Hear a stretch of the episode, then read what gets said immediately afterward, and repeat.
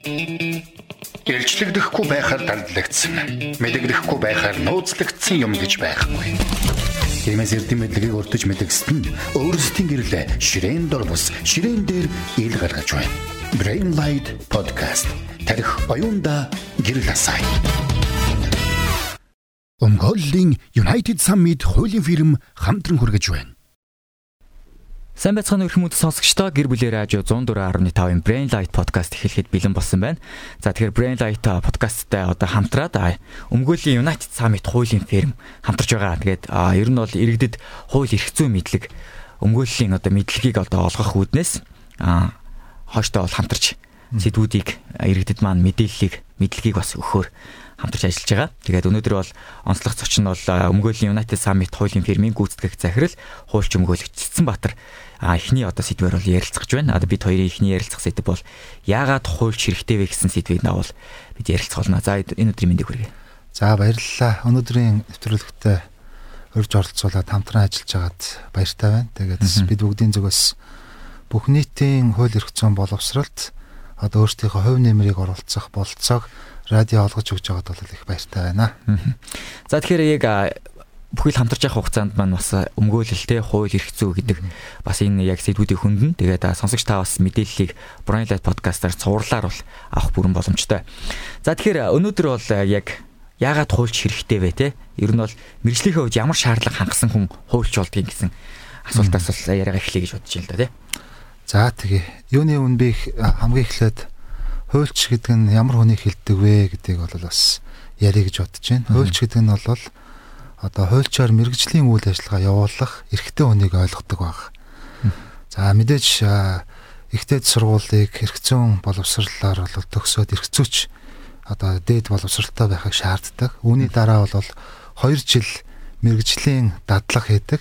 За дадлага хийснийхаа дараа хуульчийн сонгон шалгаруулалтад орох эрхийг бол олж авдаг. За ингээд хуульчийн сонгон шалгаруулалтад тэнцэх юм бол хуульчийн мэрэгжлийн үйл ажиллагааг баримтлах одоо энэ дөрмийг би ингээд чандлан баримтлана гэдэг тангарагыг өргөдөг байгаа. За үүний дараа бол одоо хуульч болтгоо. За ингээд хуульчд маань бол Монголын хуульчдын холбоонд гишүүнчлэл бүртгэлтэй болдог. За өмгөөлөгчөөр үйл ажиллагаа явуулах юм бол Монголын өмгөөлөгчдийн холбоонд бүртгэлтэй болдог. За ингээд бол ерөнхийдөө бол хуульчийн мэрэгжлийн үйл ажиллагаа эрхлэх зөвшөөрлийг бол энэ хүн олж авч байна гэсэн үг. Тэгэхээр хуульч хуульчийн өмгөөлөгчийн гэж бас хоёр хувааж байна тий. Тэгэхээр одоо хуульч нь ямар талын одоо ажил үргийг гүйцэтгээд өмгөөлөгч нь болохоор яг зөвхөн өмгөөллийг гүйцэтгэдэг гэж ойлгож болж байна. За хуульч маань бол ерөнхийдөө иргэдэд хууль зүйн зөвлөгөө өгөх, бичиг баримт эрх зүйн ач холбогдлоо бичиг баримтыг боловсруулж өгөх. За тэгээд бас талуудыг одоо эвлэрүүлэх гэхмэчлэнгийн өргөн хүрээний үйл ажиллагааг амаар болон бичгээр зөвлөгөө өгөх энэ үйл ажиллагаануудыг эрхлэх хэрэгтэй болдог. А өмгөөлөгч босноор бол шүүхэд төлөөлөх эрх нэгдэж байна гэсэн. Тэгэхээр эрүүгийн болон захиргааны хэргийн, иргэний хэргийн шүүх хуралдаанд үйлчлүүлэгчээ төлөөлөөд өмгөөллийн үйл ажиллагаа явуулах эрх бол үгээр нэгдэж байна гэсэн. Тэгэхээр өнөөдөр хоёулангийн ярилцах яг агуулга нь хуульч тал өргөн хүрээнд дээр нь ярьж гин өсвөл өмгөөлөл тал дээр нь бас давхар хамтгаж ярих уу? Тэ өнөөдрийн хүрээнд бол ерөнхийдөө хуульч гэдэг нийтлэг хүрээнд бол эхлээд ярилцъя гэж бодож байна. За тэгээд дээр нэмж хэлэх юм бол ерөнхийдөө хуульчийн сонгон шалралтанд тэнцээд хуульч болсныхаа дараа бол одоо хэд хэдэн мэрэгчлэр ажиллах болцоо бол нээгддэг. За үүнд бол өмгөөлийн шалгалтанд ороод өмгөөлөгч орох одоо өмгөөлөгчөөр ажиллах болцоотой. За мөн бас төрийн тусгай албан хаагч болох прокурор шүүгчээр ажиллах боломж бол нээгддэг. Үүний тулд бол мөн ялгаагүй прокурор болон шүүгчийн одоо тавигдах тусгай шаардлагыг дахиж хангаад шалгалтанд орох одоо болцоотой болдог гэсэн. Тэгэхээр ерөнхийдөө хуульч гэдэг маань бол одоо энэ хуулийн чиглэлээр ажиллах, хуульчаар ажиллах одоо хамгийн ихний шалгуурыг хангаж байна гэсэн үг. Тэгээд нийтлэг хүрээнд ерөнхий байдлаар хууль зүйн одоо ажлыг хийх боломжтой болж байна гэсэн үг. Тэгээ яг энэ дээр би бас яг нэг зүйлийг тодтогч бас ярих хэрэгтэй ах гэж бодож байна. Тэрний үгээр олон хүмүүс болохоор хууль зүйн сургууль төгсөж юм бол хуульч болчлоо гэдэг бодол бол их өргөн хүрээнд байдаг. А тэгвэл хууль зүйн сургууль төгссөнөөрөө эрх зүйч болж байна гэсэн. А тэгээд үүний дараа түрүүн хэлсэнчлэн нөгөө дадлага хийгээд 2 жил дадлага 2 жил дадлага хийгээд тэр дадлага хийсэн нийгмийн даатгалаар бол баталгаажсан байх хэвээр. Тэгээ хуульчийн сонгонд ороод ингээ хуульч болтой гэсэн. Гэтэл одоо бодит амьдрал дээр бол ингэж нөгөө хуульчийн эрхийг аваагүй хэрнээ одоо хуульч гэдэг нэрийг ашиглаад зарим хүмүүс явж явах бас тийм харамслаа тохиолдод гардаг л да. А тэгвэл энэ нь бол бүр одоо эрүүгийн хуулиар хамгаалагдчих гсэн байдаг. Хэрвээ та одоо дадлага хийгээд хуульчийн сонгон шалгуулалт тэнцээгүй хуульч гэдэг нэрийг ашиглах юм бол эрүүгийн хууль заасан хариуцлага хүлээлгэн шүү гэсэн бүр юм онцгой юм хариуцлага байдаг. Тийм учраас иргэд маань хуулийн сургууль төгсөөд хуульчийн сонгоноо өгөөд хуульч болсон гэсийг нь бол ялгаж салгаж харж явах хэрэгтэй гэсэн. А үүнийг бол одоо Монголын хуульчдын холбоонд байгаа нэрсийн жагсаалтаар одоо ингээ интернетээс бол шүүж үзэх болцоотой гэсэн. Аа тэгээд нэг юм хошин чим шиг яриа явагдаад байдаг шүү дээ хуульч гээл тэнгүүч нэг хуулийн бүх зүйл заалтыг одоо баа бэгүү чэйжилсэн те. Тэрийг зүгээр наан цаана оруулаад асуудлыг шийдвэрлэл гаргадаг гэдэг ойлгочдөг те. За ер нь бол нэг юм өөртөө өөртөө нэг эргэцүүн хүрээнд одоо нэг асуудал өртлөө гэхэ те. За тийч чи нөгөө тэр хуульч чинь юу гэдэг вүлээ тэд тэд чинь юм байдаг үлээ үгүй үлээ асуугаад байдаг. Гэсэн чинь тэрэнд нь хүмүүс болохоор ер нь бол тийм бид нар чэйжилдэггүй байгаа шүү те. Энэ л дээр бас яг энэ зөв ойлголтыг бас өгвөл те. Ер нь бол яг хуульч нь тэр хуйлуудыг яаж яг миний түрүүний хэлсэнчлэн те зүгээр ингээд чэйжилсэн байж байгаа наа цаана болж ярьдаг юм уу? Эсвэл зүгээр гаргалгааг олж өгдөг юм уу? Эсвэл ямар одоо яг аха. За тэгээд хуульчийн сонгон шалгалтын тэнцээ туйлч басныхаа дараа аль нэг чиглэлээр үл ихэвчлэн хуульч нар мэрэгшиж одоо ажилтгаа гэсэн. Мэрэгшиж засалтгүйгээр одоо өөрсдийнхөө боловсролыг дээшлүүлдэг гэсэн.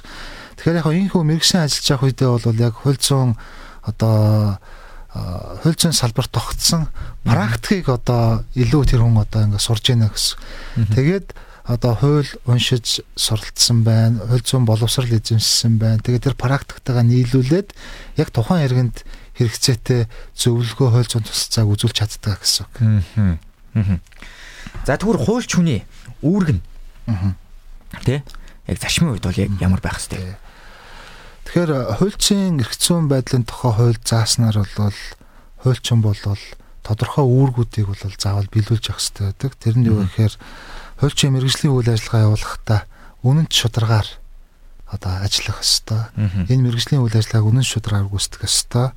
Аа тэгээд дээр нь олон нийтэд хүндлэл хүлээсэн итгэл хүлээц хэлүүлэхүүцээр одоо өөрийнхөө биеийг авч явах ёстой. Мөн хуульчин манаас нийт тусдаа мэрэгжлийн үйл ажиллагааг сайн дураараа явахыг ирмэлцэх ёстой гэсэн үндсэн үүргийг бол хуульчилж өгсөн байдаг. А энийг бол үүрэг болгож оруулсан байна. Бүр үүрэг болгож өгсөн. Аа. Одоо үнэт шударгаар ажиллах, ёс зүйтэй ажиллахыг бол бүр хуулийн дагуу бол үүрэг болгож өгсөн байдаг. Аа. За тэгэхээр ийм үүргийг бол хуульч хүн бол биелүүлдэг юм байна тий. Тэгэхээр одоо магадгүй зүгээр ингээд хуульч одоо хуулийн фирмээс очиод тий. Одоо ёс зүйн хүрээндээ үүргийнхаа хүрээнд одоо ингээд таниулах мэдүүлэх сайн дураараа хийх хэрэгтэй байж шүү дээ. Одоо тэгвэл одоо нэг хэвлэл мэдээллийн байгууллагууд очиод хэрэгтэй гэсэн мэдээллийг авъя гэдээ очиход шууд л өгнө шүү дээ. Мэдээлэл бол тийм шууд өгнө те. Ямар нэгэн байдлаар одоо цаарлах ямарч үндслэгүүл болж таарч ийн гэсэн. Ер нь бол яг энэ нийт тустай хууль зүйн үйлчлэгээ үзүүлэхийг бол ингээ ирмэлзэл болгож одоо тий сайн дураар хийхин төлөө бол одоо тэмүүлэх ёстой гэсэн утгыг бол бас хуульчилж өгсөн байна. Ер нь зүгээр сонирхоод асуучмаар санагдлаа. Монголд ер нь хууль эрх зүйн мэдлэг иргэдэд ер нь хэр байдаг гэсэн тийм юм одоо ингээд бас нэг форум орон хийж яхад нэг тийм мэдээллүүд ер нь байна. За ерөнхийдөө бол тийм хангалттай бол биш надад санагддаг. Иргэдийн хууль эрх зүйн мэдлэг бол маш тийм нийтлэг ерөнхий маягтай байдаг боловч яг ингээ хууль зүйн асуудал тулгараад ирэх үед бол тэ тэр мэдхгүй сангалтаа сайн мэдгүйгээсээ болоод одоо одоо уужиграх асуудалд орох хүндрэх тийм байдал их гардаг. Тэгэхээр хуулийн дээр юу гэж байдаг вэ гэхээр хууль мэдэхгүй байна гэдэг бол таныг хариуцлагаас чөлөөлөхгүй шүү гэж байдаг. Тэгэхээр ингээд за би мдээгүй учраас ийм болчлоо гэдэг бол ерөөсөө хууль зүйн хувьд бол зөв үнэлэлт дүнэлт болж чадахгүй гэсэн. Тийм учраас мэрэгжлийн хуульч бол зайлшгүй шаардлагатай. Санал бодлоо солилцох, зөвлөгөө авах, хамтран ажиллах бол зайлшгүй шаардлага үүсдэг гэсэн. За тэгвэл ер нь бол хуульч хүн ямар ямар одоо үйл ажиллагаа явуулдгийг те одоо ингээ хуулийн ямар нэгэн зөвлөгөө авах гэж штэ хин нэг ямар ямар үйл ажиллагаа явуулдаг гэж бодож очих юм. Одоо ингээд түрүүний ярьслаа шүү дээ тий. Хууль мэдхгүй гэсэн одоо энэ үндэслэл байж болохгүй тий. Хариуцлага хүлээх тал дээр бол тий. Тэгэхээр хүмүүс одоо бид нар ч бол ингээд нийгмийн харилцаанд байнга л орж байгаа. Тэгэл энэ бүхэн хуулийн хүрээнд л явагддаг л байх л та тий. Тэгэхээр ямар ямар үйл ажиллагаан дээр? За хуульч хүмүүс маань бол хуульцсан асуудлаар амаар болон бичгээр лавлгаа зөвлөгөө өгөх. За хуульцсан ач холбогдол бүхий баримт бичгийг эхийг нь боловсруулах, хянаж өгөх, баталж өгөх тий. За мөн эргэн хуулийн этгээдийн хүсэлтээр хууль тогтоомжид одоо заасны дагуу хууль зүйн тусалцаа үзүүлэх, тэдний хууль ёсны ашиг сонирхлыг 3 дахь этгээдийн өмнө төрийн байгууллагын өмнө тий төлөөлөн хамгаалах. За тэгээд нэхэмжил хүсэлтийг шийдвэрлэх, хохирол барагдуулах гэсэн үйл ажиллагаанд оролцох талуудын хооронд одоо тий эвлэрхэд нь тусалцаа үзүүлэх тий. Ер нь хуульч нар өмгөөлөгч нар гэхээр зөвхөн л одоо ингээд маргалдуулаад байдаг биш те. Эвдрүүлэх гэдэг бол бас нэг чиг үүрэг нь бол бас ордог. За тэгээд мөн бас шүүхэд хэрэг маргаан хянан шийдвэрлэхэд одоо ажиллагаанд оролцох, үүнд одоо үйлчлэгчийн эрх ашгийг төлөөлөн ажиллах.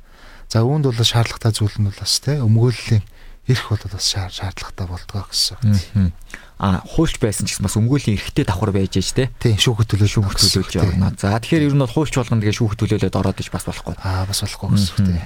Одоо тодорхой шаардлагыг хангаад тэгээд одоо дээд шүүхэд нийт өмгөөлөгчдийн одоо нэрсийн жагсаалтанд орсон багтсан байх шаардлагатай байдаг гэсэн үг тийм.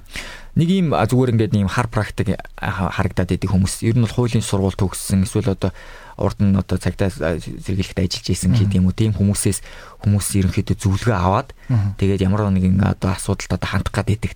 Энэ тохиолдолд ер нь бол гарах эрсдэл нь юу вэ? Эсвэл байж болох уу асуудал уу? Ер нь энэ тохиолдолд бол яг мэрэгжлийн дадлага туршлагатай тодорхой одоо ажилласан туршлагатай ийм хуульч өмгөөлөгч нарт л хандж ивэл илүү дээр. Аа ерөнхийдөө ингээд нөгөө хар практикаар ингээд төлчийн үйл ажиллагааг ингээд тодорхой мэддэг хүн бол яг одоо яг тухайн хүний оронд өөрийгөө ингээд бүр ингээд тавиад те тэр хүний төлөө ийм мэрэгжлийн зөвлөгөөх тал дээр бол баг зэрэг надад бол зүгээр дутагдaltaа санагддаг. Өөрөөр хэлэх юм бол өөр мэрэгжлийн үйл ажиллагаа явуулж байгаа. Жишээлх юм бол хууль сахиулах үйл ажиллагаа явуулж байгаа те. Ерөнхийдөө бол хууль сахиулах одоо хуульч гэж ингэж хоёр ингэж хувааж ангиж үздэг байхгүй.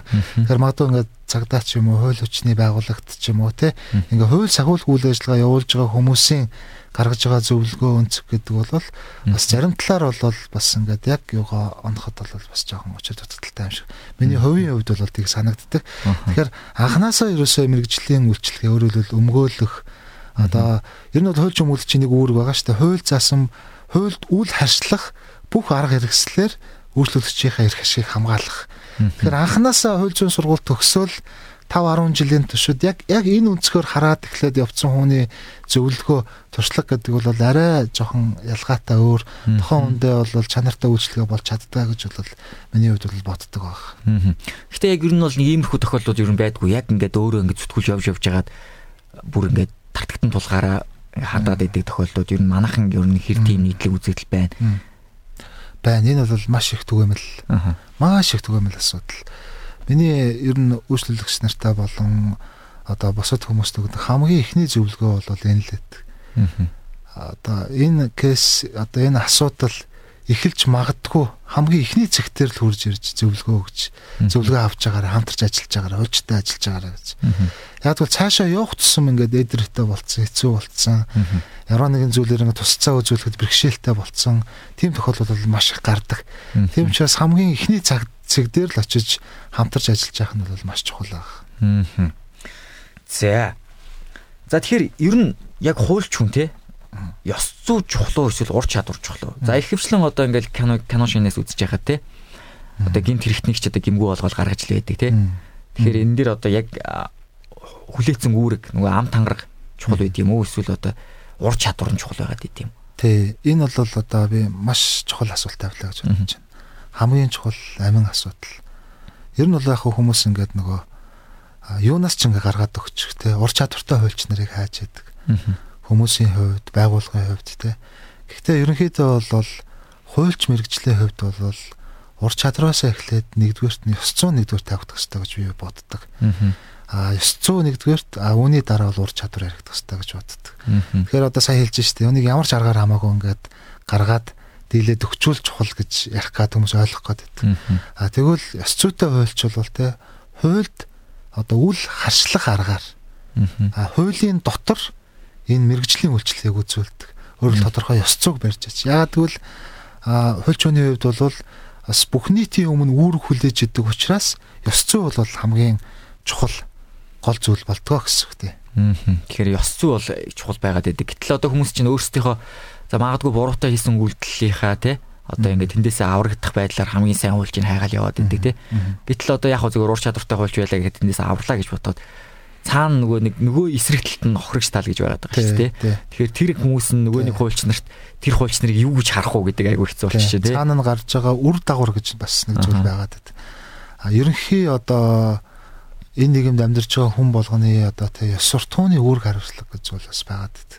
Өнөөдрийн Монголын нийгэмд ч гэсэн зөвхөн хуульч гэлтгүүгээр олон мэрэгжлийн хувьд энэ ёс зүйг нэгдүгээр тавьж чадаагүй учраас те Магадгүй ингээд нөгөө байр суурийг ч юм уу, санхүү мөнгийг ч юм уу те энэ зүйлийг нэгдүгээр тавьчаад байгаа учраас манай нийгмийн хөгжлийг бас те хоош нь татаад байдаг. Хүмүүсийн хувьд те зөв шудраг зүйл хаана байгаа юм бэ гэж те энэ зүйл байхгүй тээ гэж та бухимдаж харуулсах тий хөл толгой нь одоо алдагдсан тий ийм байдал бол олон мэрэгжлийн ёс зүйтэй холбоотой асуудал болоод байгаа. Тэгэхээр хуульч мэрэгжлийн хувьд бол хамгийн эхлээд нэгдүгээр зүйл бол хуульчин ёс зүй бол хамгийн чухал зүйл. Тэгэхээр энийг бол бас ингээд манай мэрэгжлийн үйл ажиллагааг зөвхөн хуулиас гадна хуульчин ёс зүйн дүрмээр одоо дүрмчилж өгсөн байт. Та хуульч хүний хувьд та ийм ийм ёс зүйн дүрмүүдийг бол та сах ёстой шүү гэдгийг бол зааж өгсөн байдаг. Аа. Ёс зүйн дүрмээс мэдж болох уу? За, хольч ёс зүйн дүрмээс яг хоо хэд хэдэн зүйлийг бас хэлж болох юм. Энд бол аа үйлчлэгчийн одоо нууцыг хадгалах, хамгаалах тий. Тэгээд хууль заасан арга хэрэгслэр үйл ажиллагаагаа явуулах. А тэгээд дээр нь бас нэмээд бол одоо хуульч хүн бол байнга суралцаж байх ёстой гэдэг хүртэл ёс зүйн асуудал болдог байгаа тийм өөрөө ингээд сурахгүй мэдэхгүй байх юм бол бас одоо юунаас нь болоод үйлчлүүлэгчд нэм хэн нэгэнд хохирол очих юм бол бас энэ бас аюултай зүйл. Тийм тийм ч учраас суулч нарын хувьд бол одоо жил болгон одоо дөрвөн кредитийг тодорхой ан кредитийг ингээд те сурахад дандаа зарцуулж ядгаа гэсэн. Хэрвээ сурахгүй байх юм бол энэ бас ингээд хөлчийн үйл ажиллагаа эрхлэхэд нь одоо те одоо зогсоох үндслүүдийн нэг болох боломжтой гэсэн үг тий. Аа. Энэ цаагаараа зохицуулт нь тийм байдгүй эсвэл яг энэ зүгээр яг хүлээс үүрэг амлалт гэдэг утгаараа ингээд хөгжиж явах хэрэгтэй. Эсвэл магадгүй одоо энэ одоо хуульч те эдэн жилд нэг удаа сурсан байх хэрэгтэй, мэрэгчлээ дээшлүүлсэн байх хэрэгтэй гэсэн зохицуулт гэж байдаг юм. Тий, энэ бол яг хууль заасан хуульчийн дөрмөн заасан тий. Заавал одоо хийх ёстой үүргэнэ гэсэн үг. А тэгэхээр нэгэсэндээ тэгж бас байж болох юм дээ. Хүмүүс ч одоо хуульчаа сонгох хэрэгтэй болно шүү дээ тий. Хуульчид хандан тэнгуут чинь За нэг хаа чамаагүй байдаг хуулийн ферм дээр эсвэл хаа чамаагүй байдаг нэг хуулийн газар хуульч гэсэн хүн дээр явж чиод яадаг. Нөгөөт нь одоо мэрэгчлээ дэвшлүүлдэг ч юм уу үгүй ч юм уу те. Тэгээ бас үн хан шиг бол хараа явдаг байгаа. Тэгэхээр энэ төрлийн зүйл дээр бас ингээ хандаад хэлэхэд яг үн хөсний хувьд ер нь бол ямар байдгийг ер нь бол те Тий. Бас өндөр байдаг гэж хүмүүс бас их ярьдаг тий. Хуульч хөслөхөр их өндөр байдаг учраас нөгөө нэг арай хямд эсвэл одоо юу гэдэг чи яах вэ хамаатаас одоо хууль мэддэг хүн дээр очдөг нэг тийм. Аха. Ерөнхийдөө бол яг хуульчтай хувьд одоо хуульчийн хөлсөө тогтоохтой бол хоёр нөхцөл байдлыг ингээ харгалзаж үздэг л тий. Тэр нь юу гэхээр нэгдүгээр одоо тухайн хэргийн эдрэтэ байдал тий. Хуульчийн зүгээс хэр их ингээ цаг зарцуулах, ажиллах тий. Аа хэр их хэмжээний одоо ажиллагаа хийгдгүү гэдэг бол нэгдүгээр үзүүлэлт болж байгаа. А дараагийн нэг зүйл бол надаар үүслүүлж байгаа энэ хүний одоо одоо төлж чадах нөхцөл байдал нь хэр байгаа вэ гэдэг тийм. Энэ хоёр нөхцөл байдлыг ерөнхийд нь бол харгалзан үзэж хөлч хөөсийг тогтоодог гэсэн үг тийм. Аа тий уучлаар зөвхөн одоо нэгээр нь ингээ харгалзаад үзэх юм бол бас ингээд жоохон учир дутагдaltaа болдог л да тий. Маш юм эдрэттэй ингээ ажиллах байна гэд өндөр хөс хилээд байх юм бол нөгөө хүмүүс маань төлж чадхааргүй байх юм бол бас болж өгөхгүй байгаа учраас тий энэ мөрийг аль алиг нь харгалз үүсэх хэрэгтэй байст гэсэн. Одоо төлбөрийн чадваргүй одоо иргэдэд бас хуулийн үйлчлэгээ үзүүлдэг те тэр нь одоо яг ямар журмаар тэгж үйлчлэгээ үзүүлдэг тийм тийм нөхцөл байдлаар одоо хуульч аваад өмгөөлөгч аваад ингээ явсан хүмүүс магадгүй төлбөрийн төлөөгүй гэдэг утгаараа дутуу одоо үйлчлүүлчин гэдэг ч юм уу тийм санаа зовлон байж болох уу? Аха. Тэгэхээр яг ерөнхийдөө бол хуульч нарын хувьд бол нөгөө түрүүний ярьсан нийт тустай үйл ажиллагааг явуулахыг эрмэлзлээ болгож явах хэрэгтэй гэдэг энэ үүрэг нь бол зарим тохиолдолд бол одоо төлбөрийн чадваргүй иргэдэд үн төлбөргүйгээр эсвэл маш бага хэмжээний төлбөртөөгөр одоо тэ зүйн цэцэлцээ үзүүлэх энэ бол үе таалаг бас нээж өгдөг л доо. Тэгэхээр энийг бол ерөнхийдөө юу гэж нэрлэдэг гэхээр пробано буюу те нийтэд тустай хууль зүйн үйлчлэгээ үзүүлэх гэдэг бол ордог. Аа тэгээд дээр нь бол яг хуу хуулийн дагуу бол эрүүгийн хэрэгт холбогдсон одоо сэжигтэн яллагдагч тэр төлбөрийн чадваргүй байх юм бол улсын өмгөөлөгч хууль зүйн цэцэлцээг бол үн төлбөрөөр үзүүлдэг ийм систем болоод манай Монгол улсад байгаа. Аа тэгээд мөн бас хуульчдын холбооны дэргэд одоо төлбөргүйгээр хууль зүйн цэцэлцээ үзүүлэх ийм одоо хороо байдаг гэсэн үг. Тэгэхээр ерөнхийдөө бол хуульчдын холбоонд хандж болно. А мөн та бас яг хуульчд бол бас хандж болно л доо. Миний энэ ажил дээр те ингээд хүндлбэргээр туслаад ажиллаж зүг болцоод байдаг дүүднээс бол хандж болно. А гэхдээ энэ сэдвийг ингээд яриад төнтөхөр нөгөө талд бас нэг зүйл ярих хэрэгтэй. Тэгээд ингээ хуульч гэдэг ихээр нөгөө дандаа үн төлбөргүй.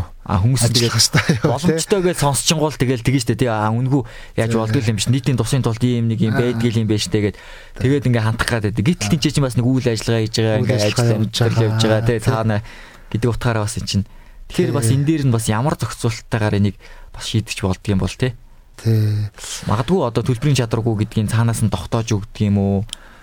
Аа тий тэгэхээр ерөнхийдөө бол яг нөгөө хороо нийгмийн газрын хорооны юм уу те нийгмийн асуудал хариуцууны тодорхойлт өдр байх юм бол бас их чухал ач холбогдолтой. Гэтэл яг зөв өнөөдрийн нийгэмд бол ерөнхийдөө бол нөгөө хуульчлалаа хүмүүс хандахдаа за энэ хүн ч одоо зүгээр л нэг хідэн үгэл хэлж штэ те үүнийхээ төлөө те яагаад ийм хөлс нэхэд байгаа юм бэ гэдэг хандлага болоод жишээл айгүйх тийм өргөн дэлгэр байгаад байдаг л та. Жишээлбэл хүн ингээд дэлгүүрт ороод ингээд талах авахтаа бол юу ч бодохгүйгээр талхны төлбөрийг бол төлдөг. Тэгсэн ирнэ хуульч тандаад зөвлөгөө аваад явахдаа за энэ ч одоо нэг тийм хитгэл үг хэллээ шүү дээ. Би энд яагаад төлбөр төлөх ёстой бэ гэсэн бодлууд байгаад байдаг. Гэтэл яг нөгөө бодоод үзэх юм бол одоо магадгүй нэг 10 минут, 20 минут, 30 минут ингээд зарцуулаад ингээд үг хэлж байгаа юм шиг боловч тухайн хүний одоо нөгөө 4 жил эрх зүйн боловсрал авсан. 2 жил дадлаг хийсэн. Хуучин сонгон шалралт тэнцсэн. Тэгээд мэрэгчлэрээ 5 жил, 10 жил, 15, 20 жил явуулсан. Тэрний үндсэн дээр би боссон туршлагыг нь заримдаа ингээл 5 10 минутанд ингээд авчдаг байхгүй. Тийм болохоор бас ялтчгүй бас түүнд нь тохирсон хуульчийн хөөсийг бол төлөх шаардлага бол үүсдэг л дээ. Тэгдэж бас хууч нар чинь цаашаага үйл ажиллагаа явуулна. Тэ ингээд цаашдаа дараа дараагийнхаа хүмүүстэй ажиллах тийм энэ үе таалга нээгднэ гэсэн. Тэгээ би бас энийг ярьж байхад нэг тийм түүхийг бас дотроо боддог л да. Маш алдартай уран зураг зурагч Ленардо да Винчи да Винчи гэдэг мундаг зурагч байдаг тий. Тэгээ тэр нэг баян өндөр очиод нөгөө хөрг баримлыг нь хийж өгдөг. Тэгээд 30 алтан цус төлбөрт нь авъя гэдэг байхгүй. Тэгсэн чинь нөгөө баян хүн хэлдэг байхгүй. Та энийг 30 минутанд хийчихэд Надаас 30 алтан зоос авах гээд тахта яад юм бэ гэдгсэн чинь Леонардо да Винчи юу гэж хэлдэг вэ гэхээр би 30 минутанд хийж сурахын тулд би амьдралынхаа 30 жилийг зарцуулсан дээ гэж хэлдэг байхгүй. Тэгэхээр яг энэ түүхтэй бол их ойролцоо надад санагддаг. Тэгээд ерөнхийдөө бол энэ нөгөө мэрэгжлийн зөвлөгөө гэдэг бол бас тухайн хүний олон жилийн дадлаг туршлага алдаа оноон дээр ингээ суурилсан байдаг учраас тодорхой хэмжээнд бол одоо хөлсийг төлж байгаа нь бол гарцаагүй. А гэхдээ Үнэхээр одоо бас хүндтэй үзэх шалтгаантай огт төлбөрийн чадваргүй хүмүүст бол хуульчнаар бол бас тэ үн төлбөргөө бас зөвлөгөө өгөх бас тэ хариуцлага үүрэг байдаг юм а гэдэг бол бас хэлж хаваалцмаар байна. За тэр ч бол өстэй яа харахгүй тийм байх шүү те. Одоо хүн өөрийнхөө одоо олон жил олж авсан туршлагаараа хүмүүст одоо зөвлөгөө авч яхаа те үнгүүдүүлэх гэдэг. Аа тэгээд ер нь бол ийм байдгүй.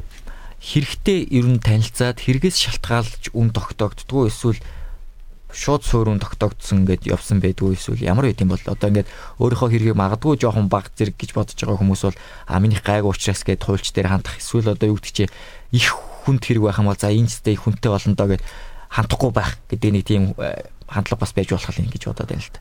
Аха. Ерөнхийдөө бол яг тодорхой хэд хэдэн маргаан дээр бол хувь тооцож ингэж төлбөр тооцохыг хориглосон байдаг. Жишээлх юм бол гэр бүлийн маргаан дээр ч юм уу тий зарим төрлийн одоо ерөнхийдөө бас зарим төрлийн хэрэг маргаанууд дээр бол одоо ингэж одоо үн тооцохдоо 10% ч юм уу 20%, 30% ч юм уу тэгж болохгүй гэж бол ингээд хуулиар бол тогтооцсон байдаг. Дээр нь бас эрүүгийн хэрэг маргаанууд дээр ч юм уу те тогтооцсон байдаг. А тэгээд дээр нь хуульчийн хувьд бол ямар нэг нөгөө амлахаа баталгаа гаргаж өгөхийг бол бас хуулиар хоригдсан байдаг. Өөрөөр хэлэх юм бол одоо таны энэ холбогдсон энэ үндэс чинь би одоо баталгаатай 100% гаргаад өгнө. Тим юм чинь надад ийм хэмжээний хөстөлцгөөч гэдэг юм уу те. Энийг бол бас хуулиар хоригдсан байдаг те. А босод тохиолдлуудаар ерөнхийдөө бол миний бас түрүүний хэлсэн тухайн хэрэг дээр хэр ингээ ажиллах эдрэттэй байдал болон төлбөр төлж байгаа хүнээсээ шалтгаалаад ерөнхийдөө бол уян хатан байдлаар одоо төлбөрийг тогтоотоо гэсэн. А дээр нь бас ингээд мэдээж өстэй энэ ажлыг хийснээр манай үйлчлүүлэгч нар те хэр их хэмжээний одоо те давуу байдал, ашигтай байдал үүсэж байна гэдэг бол бас нэг тодорхой хэмжээний үзүүлэлт бол бас болж болдго л доо. Тиймэрхүү практик бас хөөс нарын донд байдаг гэсэн. Тэгээд яг хөө зүгээр би бас нэг зүйлийг бас ингээд бодож үзэх хэрэгтэй гэж боддог. Яг мэрэгжлийн хуулийн хуульчийн үйл ажиллагаа явуулж авах үед те. Ерөнхийдөө ингээд хуульчтай ингээд тохиролцоод ярилцаад гэрээ байгуулад хамтран ажилласан мөчөөс ахуулаад ерөнхийдөө нөгөө таны асуудал бас нөгөө миний асуудал бидний асуудал болчихдог байхгүй тий. Тэгээд магадгүй ингээ хөлчтэй гэрээ байгуулаад тохироод ажилласны дараа хүн ч одоо сэтгэл санаа бас гайгүй болно нонгоон тий. Ингээ ярилцаад ингээ цаахан болоод үлдэхэд бол тэр асуудал бол хөлчийн асуудал болоод үлдчихдэг байхгүй тий. Тэрийг бол одоо таны өмнөөс шийдэж өгнө. Зарим үед амралтын өдөрч байсан. Зарим үед ингээд те а яг ажлын цаг дууссан байсан ч энийг ингээд тогтмол ингээд бодож яадаг те. Яах вэ гэдэг шийдлээ хайж яадаг те. А тийм учраас тодорхой хэмжээний ачаал бол бас хуульч дээр ирдэг те. Тэгэхээр энэ олон зүйлсүүдийг бас ингээд харгалзан үтсний үндсэн дээр одоо хамтран ажиллах гэрээ байгуулах хууль зүйн цэцэн үзэх гэрээ байгуулах ингэдгээ гэж бол тий ойлгож байна. Тэгээд өнөөдөр бас хоёлынгийн яриг сонсоод сонсогч нар маань бас ингэж бодож иж болох юм байна л та магадгүй. За нэг хуульч сонгохоор боллоо ерөөс. За ерөөсө хуульч рүү хандъя. Нэг магадгүй нэг асуудал байгаа те.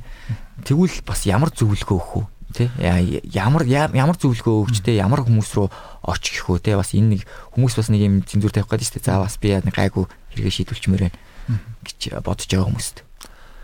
За мэдээч ерөөсө огт толж танихгүй байх юм бол нэгдүгээрт нь юу яаж болно? Монголын хөлчтийн холбоон дээр байгаа чагсаалт дундаас одоо интернетттэйгээ вебсайтаас мэдээлэлс нь хуульчийг харж болно. За энэ нь ямар ачлал бүтэлтэй тэгвэл энэ хүн бол яг мэрэгжлийн хуульчийн үйл ажиллагаа эрхлэх хэрэгтэй хүн байна гэдгийг бол олж харж болно. А та ингээ шүүх рүү явах заашгүй шаардлагатай ингээд ирэх юм бол бас Монголын өмгөөлөгчдийн холбооны холбоон дээр байгаа мэдээллээс вебсайт болон мэдээллээс өмгөөлөгчдийн жагсаалтуудыг харж болно.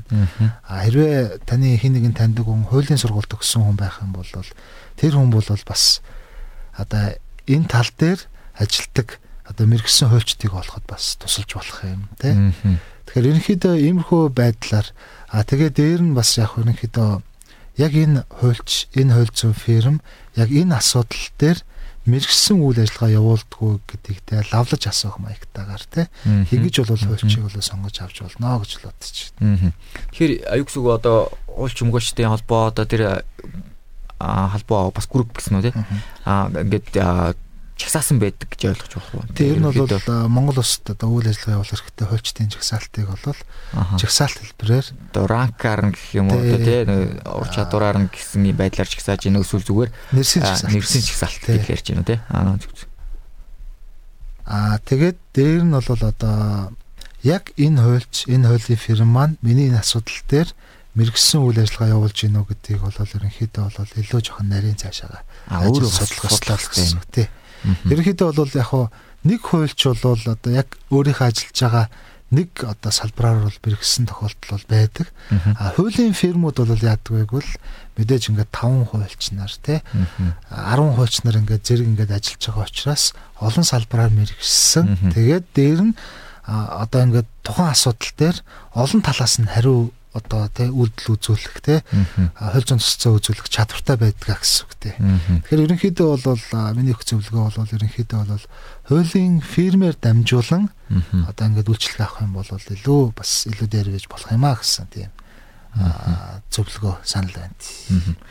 За маш их баярлалаа. Тэгэхээр өнөөдөр бас өмгөөлийн United Summit хуулийн фирмийн гүйцэтгэх захирал хуульч өмгөөл Цэцэн Баатар ирж өнөөдөр яагаад хуульч хэрэгтэй вэ гэсэн сэдвийг бидэрт бас хөндөж танилцууллаа. Тэгэхээр бас үнэхээр хэрэгтэй зүйлсүүд бас сонссон бах та мэдээллийг авсан бах гэж бас бодож байна. Тэгээд хүрэлцэн ирж бас яриа өгсөн маш их баярлалаа. Тэгээд бас хоочтын өдрүүд ч гэсэн бас энэ хуулийн талаар, хууль эрх зүйн талаар бас олон хэрэгтэй мэдээллүүдийг сонсогч олонд маань бас өгөх болсонд баярснаа илэрхийлж байна. За маш их баярлалаа. Та бүхэнд ажлын амжилт хүсье. За маш их баярлалаа. Подкастик өмгөөллийн United Summit хуулийн фирм хамтран хүргэлээ.